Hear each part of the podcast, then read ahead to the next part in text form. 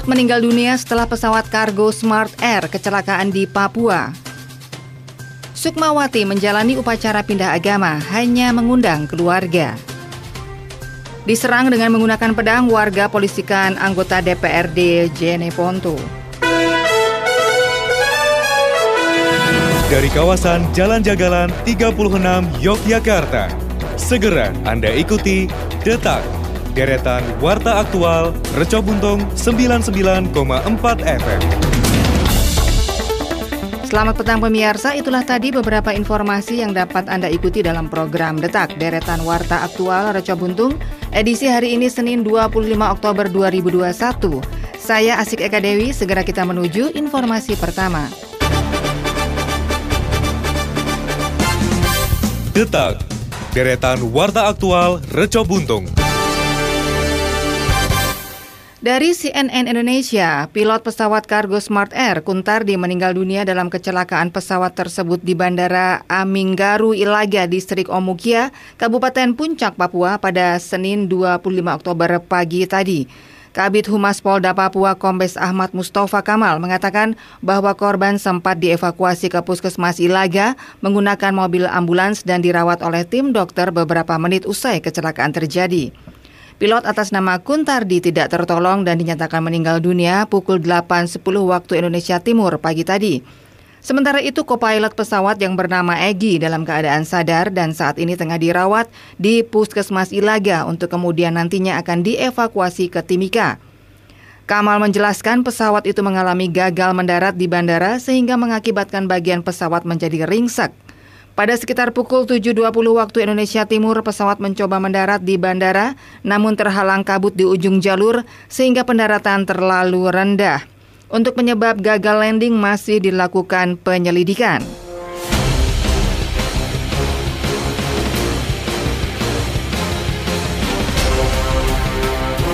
Pemirsa Putri Presiden pertama RI Soekarno, Diah Mutiara Sukmawati Soekarno Putri, mulai menjalani upacara pindah agama dari Islam menjadi Hindu pada hari Senin 25 Oktober. Rangkaian upacara itu akan dilakukan di kawasan Soekarno Center Heritage di Balai Agung, Singaraja, Kabupaten Buleleng, Bali. Pengelisir Pasek Balai Agung Jeromade Arsane sekaligus penanggung jawab upacara menyampaikan hari ini Sukmawati melakukan upacara ruatan atau pengelukatan di pantai. Ia juga menyampaikan upacara atau ritual Sukmawati pindah agama tidak mengundang orang lain karena bersifat tertutup dan hanya untuk keluarga. Ia mengatakan perpindahan keyakinan Sukmawati sudah melalui proses panjang dan selama ini Sukmawati juga sudah mendalami ajaran Hindu. Selain itu, perpindahan Sukmawati bertepatan dengan hari ulang tahunnya yang ke-70. Kemudian untuk prosesi upacara akan berlangsung selama dua hari, yaitu tanggal 25 dan 26 Oktober 2021.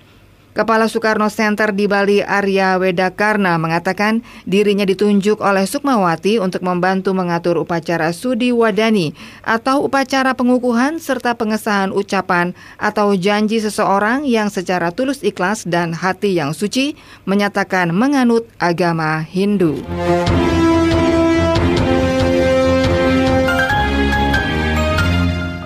Pemirsa dari CNN Indonesia, warga desa Bontomanai, Kecamatan Rumbia melaporkan seorang anggota DPRD Kabupaten Jeneponto, Sulawesi Selatan, diduga melakukan tindakan pidana penganiayaan dengan senjata tajam yang mirip pedang katana.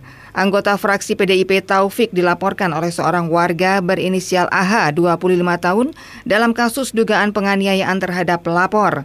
Sementara kasus ini ditangani di Polsek Lara Jeneponto. Kapolsek Lara Ibtu Bakri mengatakan pihaknya telah menerima laporan peristiwa tersebut. Peristiwa penganiayaan itu terjadi pada hari Jumat 22 Oktober malam hari. Terlapor mendatangi korban yang berada di desa Bontomanai dengan membawa senjata tajam dan ketika melihat korban, anggota fraksi PDIP ini pun langsung mengarahkan senjata tajam ke arah korban. Penyerangan oleh anggota Dewan Jeneponto ini juga sempat dihalangi dan dilerai oleh warga yang berada di lokasi. Tetapi karena korban nyawanya terancam sehingga AHA merebut pedang tersebut dari tangan Taufik. Namun dalam perebutan senjata tajam itu tangan AHA berdarah setelah terkena pedang. Polisi telah memeriksa sejumlah saksi dari pihak pelapor, sedangkan untuk terlapor Taufik sementara masih menjalani pemeriksaan oleh penyidik. Detak, deretan warta aktual Reco Buntung.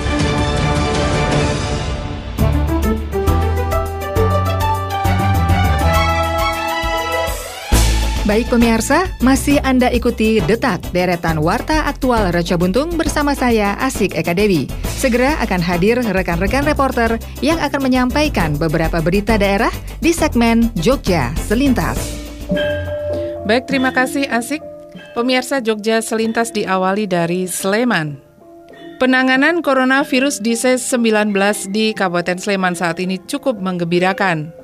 Penambahan kasus harian berkisar antara 10 hingga 15 orang dengan angka positif rate hanya 0,35 persen. Penularan kasus melandai jika dibandingkan bulan Juli lalu. Meski demikian, Dinas Kesehatan meminta masyarakat tetap mematuhi protokol kesehatan, sebab muncul ancaman gelombang ketiga seiring kebijakan kelonggaran aktivitas di masa PPKM level 2. Di samping prokes di masyarakat mengantisipasi datangnya gelombang ketiga, pihaknya meminta bagi tim Satgas Penanggulangan COVID-19 tingkat Kapanewon maupun kelurahan agar senantiasa waspada mengawal jalannya pemberlakuan pembatasan kegiatan di masyarakat terutama disiplin 3M, yaitu memakai masker, mencuci tangan dengan sabun, dan menjaga jarak. Serta menjalankan 3T, tracing, testing, dan juga treatment serta membantu percepatan pelaksanaan vaksinasi terutama bagi lansia. Sebab lansia merupakan kelompok rentan yang paling terdampak ketika muncul gelombang ketiga COVID-19. Hingga pekan ketiga Oktober ini, cakupan vaksinasi dosis pertama di Kabupaten Sleman sudah mencapai 83,9 persen dan dosis kedua mencapai 60 persen. Vaksinasi akan terus dikebut dengan target rampung 100% dosis pertama di bulan November. Cahaya berharap dengan strategi tersebut dapat memperlambat bahkan mencegah munculnya gelombang ketiga. Keterisian bed di shelter isolasi yang dikelola oleh pemerintah Kabupaten Sleman masih sangat rendah, bahkan dua shelter kondisinya kosong. Bupati Sleman Kustini Sri Purnomo meminta masyarakat agar tidak larut dalam euforia menyambut penurunan level tersebut. Sebab saat ini masih dalam pembatasan kerumunan dan juga kegiatan. Beralih ke Kulon Progo, pemungutan suara serentak dalam pemilihan lurah di 68 kelurahan dinilai berjalan lancar sesuai rencana. Pada tahapan kampanye juga bebas dari black campaign.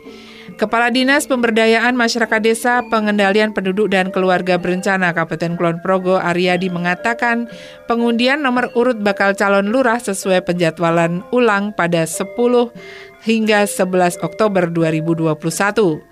Selanjutnya masa kampanye pada 18 hingga 20 Oktober 2021 dalam pelaksanaannya juga sudah sesuai dengan peraturan Bupati nomor 32 tahun 2021 mengenai protokol kesehatan pada pemilihan lurah secara serentak di masa pandemi COVID-19. Pihaknya menyediakan 650 tempat pemungutan suara atau TPS yang tersebar di 68 kelurahan. Kemudian bagi warga yang sedang menjalani isolasi mandiri maupun sedang dirawat di rumah sakit atau menjalani masa tahanan di lembaga pemasyarakatan, petugas TPS memberikan fasilitas sesuai Perhub nomor 32 tahun 2021. Bagi yang isoman didampingi tenaga kesehatan, dan ia berharap lurah yang terpilih bisa menjadi pemimpin yang terbaik di kelurahan masing-masing dan bisa mewujudkan Kulon Progo yang aman, tentram, damai, berkarakter, berbudaya. Biro Tata Pemerintahan DIY KPH Yudonegoro mendampingi kegiatan pilur yang dilakukan di setiap kelurahan. Pemirsa demikian tadi informasi dari Sleman dan Kulon Progo sumber berita Tribun Jogja.com. Selanjutnya kita beralih ke rekan dari Pradita untuk menyampaikan informasi kota Yogyakarta. Baik, terima kasih Widya Gita. Pendengar Wakil Gubernur DIY KGPA Pakualam 10 menegaskan hingga akhir Oktober 2021 mendatang, DIY akan terus mengejar target vaksinasi, utamanya untuk vaksin dosis kedua dan para lansia. Hal ini mengingat stok vaksin yang harus dihabiskan masih cukup banyak. Demikian disampaikan Sri Paduka Pakualam ke-10 pada rapat evaluasi PPKM Jawa Bali melalui video conference di hari Minggu malam. Kepada Menku Marves Luhut Binsar Panjaitan, Sri Paduka Pakualam ke-10 dalam laporannya menyatakan stok vaksin AstraZeneca DIY cukup banyak sehingga perlu segera didistribusikan. Terkait penggunaan peduli lindungi, Pemda DIY juga terus melakukan pengawasan utamanya untuk tempat-tempat wisata yang sebagian sudah mengantongi izin kembali dibuka. Sementara itu, Sekda DIY Kadarmanto Baskoro Aji menyatakan agar semua pihak waspada terhadap prediksi terjadinya gelombang kasus COVID-19 berikutnya di akhir tahun. Untuk itu, Pemda DIY mengajak seluruh komunitas baik Satgas di DIY Kabupaten Kota maupun Satgas di perkantoran, tempat wisata, dan juga tempat perdagangan untuk tidak lengah dalam menjaga protokol kesehatan. Di sisi lain, Menko Marves RI Luhut Binsar Panjaitan menyatakan situasi COVID-19 di Indonesia sampai saat ini masih terkendali. Namun, seiring dengan penurunan level di banyak kabupaten kota, peningkatan aktivitas dan mobilitas masyarakat harus tetap dijaga. Salah satunya dengan cara memperluas dan memperketat penggunaan peduli lindungi. Pendengar untuk mengantisipasi meningkatnya wisatawan datang ke kota Yogyakarta, Pemkot Yogyakarta menerapkan kebijakan One Gate System atau sistem satu pintu bagi bis pariwisata yang masuk ke kota Yogyakarta.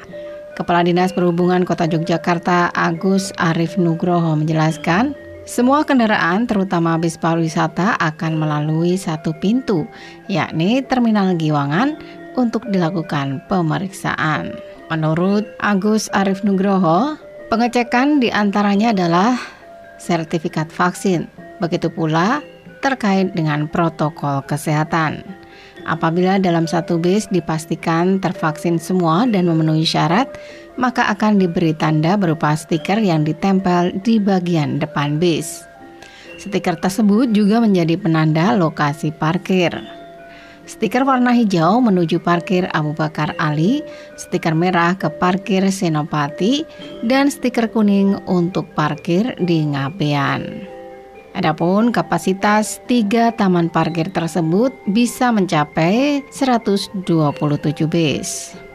Untuk itu pihaknya juga meminta para pengelola parkir untuk bekerja sama dan mematuhi aturan One Gate System tersebut. Selanjutnya, tempat parkir yang menerima bis pariwisata tanpa membawa stiker dari Terminal Giwangan maka akan diberikan sanksi, yaitu penutupan dan tidak diizinkan menerima parkir untuk waktu tertentu. Sedangkan bagi bis yang nekat parkir di pinggir jalan, akan dilakukan penindakan tegas. Di sisi lain, Wakil Wali Kota Yogyakarta Heru Purwadi menyatakan pihaknya berharap wisatawan yang tiba di Kota Yogyakarta dengan bis bisa tertib menjalankan aturan One Gate System. Hal ini juga merupakan upaya Pemkot Yogyakarta untuk mewujudkan aktivitas pariwisata yang sehat di kota Yogyakarta meski di masa pandemi COVID-19. Dengan sistem ini diharapkan dapat memastikan keamanan wisatawan sehingga perekonomian dan pariwisata di kota Jogja tetap bergerak di tengah kondisi pandemi COVID-19. Demikian informasi dari kota Yogyakarta, saya dari Pradita. Segera kita menuju ke rekan Widya Gita. Baik, terima kasih dari pemirsa kembali bersama saya Widya akan saya sampaikan informasi dari Bantul dan Gunung Kidul pemerintah Kabupaten Bantul akan mencairkan dana 50 juta untuk tiap pedukuhan pada tahun 2022 mendatang. Wakil Bupati Bantul Joko Purnomo berharap dana tersebut tidak dipergunakan untuk membangun infrastruktur semata, tetapi dapat digunakan untuk penguatan dan pembangunan sumber daya manusia di tingkat pedukuhan. Masih ada PR, angka stunting, angka kematian ibu hamil, gizi buruk masih tinggi. KLA atau Kabupaten Layak Anak masih berstatus madya. Tiga tahun ini belum bisa naik menjadi utama. Upaya pemerintah dengan memberikan dana 50 juta rupiah dapat digunakan sebagai guide untuk memperkuat sistem sinergitas agar bidang pendidikan dan kesehatan dapat diperhatikan. Joko berharap bantuan hibah sejumlah 50 juta untuk tiap pendukuhan tersebut dapat terserap untuk mengoptimalkan pendidikan dan kesehatan. Di bidang pendidikan, dana tersebut dapat diserap untuk program-program di PAUD, Sedangkan kesehatan dapat dipergunakan untuk posyandu di mana di dalamnya ada urusan perempuan dan anak. Namun Wabub mengakui bahwa apa yang selama ini terjadi di masyarakat adalah adanya anggapan bahwa bantuan pemerintah akan lari ke pembangunan infrastruktur. Padahal sudah ditegaskan dalam Perbub, uang 50 juta rupiah tersebut diprioritaskan untuk dua hal, yakni pendidikan dan kesehatan. Tapi dari 933 pedukuhan mayoritas dipakai untuk ngecor jalan. Perlu adanya pemahaman dan pembelajaran tentang permasalahan yang muncul di masyarakat. Musyawarah di pedukuhan wajib mengundang PKK dan posyandu agar tercapai mutualisme yang baik. Tim penggerak PKK dituntut agar lebih kreatif dalam inovasi dan bisa merangkul elemen-elemen masyarakat yang dapat membantu permasalahan yang dialami perempuan dan anak di Bantul. Pemirsa kita beralih ke Gunung Kidul. Warga di kawasan pantai sepanjang Kelurahan Kemadang, Tanjung Sari, Gunung Kidul menemukan bangkai penyu mati pada hari Minggu kemarin. Penyu yang hanyut ke tepi pantai tersebut ditemukan dalam kondisi luka. Sekretaris SAR Satlinmas Wilayah 2 Gunung Kidul, Suris Dianto, menuturkan penyu yang belum diketahui jenisnya tersebut ditemukan sekitar pukul 5.30 pagi. Bangkai-bangkai penyu tersebut ditemukan oleh warga setempat yang sedang berjalan di tepi pantai. Menurut keterangan warga tersebut, saat tengah berjalan ia mencium bau menyengat. Saat mencari sumber bau, ia menemukan benda mencurigakan yang posisinya sudah terdampar di pasir pantai. Begitu didekati rupanya benda tersebut adalah seekor penyu yang sudah mati. Warga bersama petugas SAR yang ada di lokasi segera melakukan evakuasi. Meski tidak diketahui jenisnya, penyu tersebut memiliki dimensi panjang sekitar 50 cm, lebar 30 cm, dan berat sekitar 35 kg. Kondisinya luka di beberapa bagian seperti kaki dan kepala penyu. Meski demikian, ia mengaku belum bisa memperkirakan kepastian dari penyebab luka-luka tersebut. Bangkai penyu kemudian dikuburkan untuk menghindari bau menyengat yang bisa mengganggu wisatawan. Koordinator SAR Satlinmas Wilayah 2 Gunung Kidul Morjono mengatakan penemuan penyu mati sering terjadi selama beberapa tahun terakhir. Kebanyakan ditemukan di pantai sepanjang ia juga menyebutkan warga sendiri sudah cukup lama tidak lagi menangkap penyu laut karena hewan laut tersebut kondisinya sudah langka sehingga perlu dijaga kelestariannya. Hal tersebut sudah disosialisasikan kepada masyarakat agar tidak menangkap penyu tersebut. Jika penyu ditemukan dalam kondisi hidup, maka akan dikembalikan ke laut.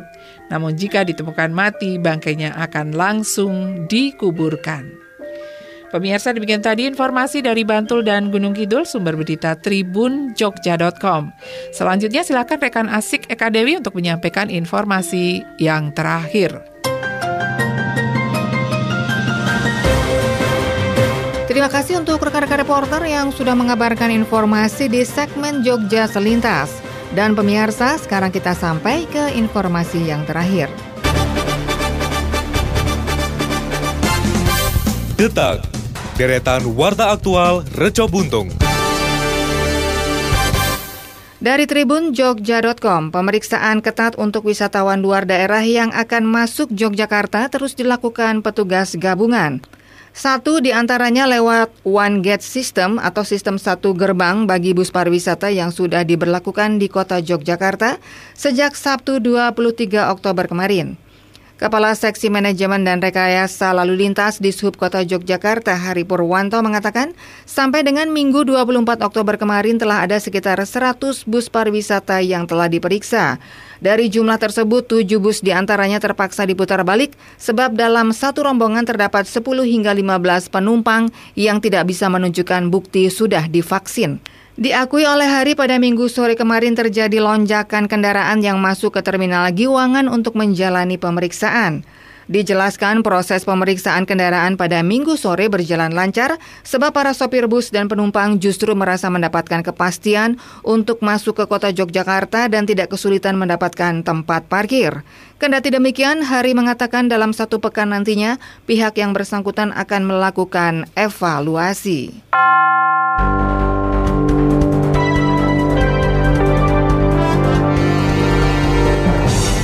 Pemirsa waspada virus corona. Penularan dari manusia ke manusia lewat cairan, batuk, bersin, dan berjabat tangan. Virus ditularkan jika Anda menyentuh cairan orang terinfeksi, lalu menyentuh area mata, hidung, mulut. Gejala-gejala yang perlu diperhatikan: batuk, pilek, sakit tenggorokan, demam, sakit kepala, dan sesak nafas. Hotline Kemenkes terkait virus corona di 021 5210 411 atau 081 2121 23119.